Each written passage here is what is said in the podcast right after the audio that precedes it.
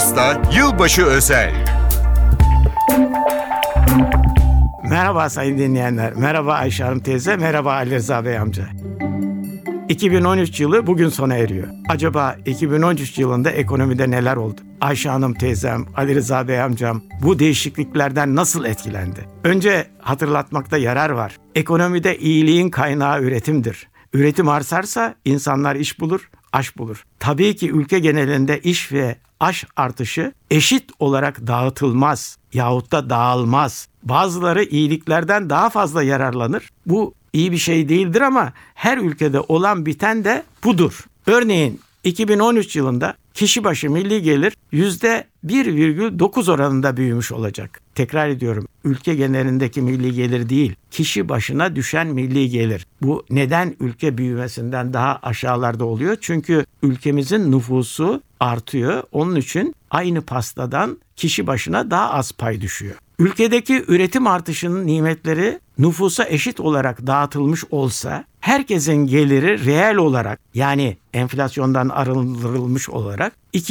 2013 yılında %1,9 oranında artacak demektir. Geliniz görünüz ki 2013 yılında bazılarının reel geliri artmadı, tersine azaldı. Bazılarının geliri ise katlandı hem de çok katlandı. Tekrarda yarar var. Bu her ülkede olan biten bir şeydir ve de sosyal politikaların amacı işte bu gelir dağılımını imkan ölçüsünde eşit hale getirmektir.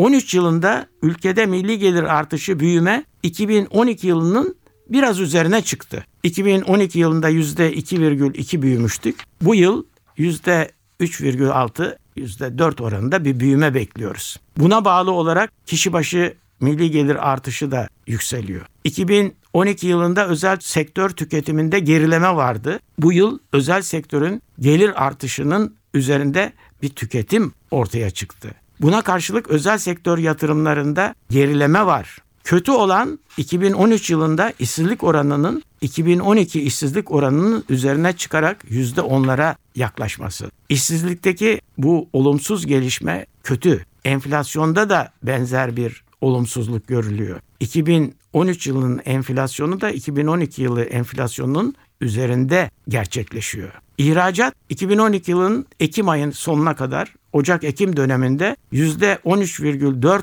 artmışken bu yıl aynı dönemde Ocak-Ekim ayında %1,2 geriledi. İthalat ise tersine geçen yıl %2,9 gerilemişken bu yıl %5,9 arttı. Sonuç olarak dış ticaret açığı büyüdü. Dış ticaret açığına bağlı olarak cari açık, döviz açığı da büyüdü. Dünya piyasalarında fırtınalar eserken Türk ekonomisinin bundan etkilenmemesi imkansızdı. Dışarıdaki olumsuz havaya, çevre ülkelerindeki karışıklıklara, içeride istenmeyen çalkantılara rağmen 2013 yılı defterini gene de iyi kapattığımız söylenebilir. Daha iyi olamaz mıydı? Olurdu ama daha da kötü olabilirdi. Onun için iyilikleri görelim, iyiliklere sevinelim. Bir başka söyleşide tekrar birlikte olma ümidiyle şen ve esen kalınız sayın dinleyenler.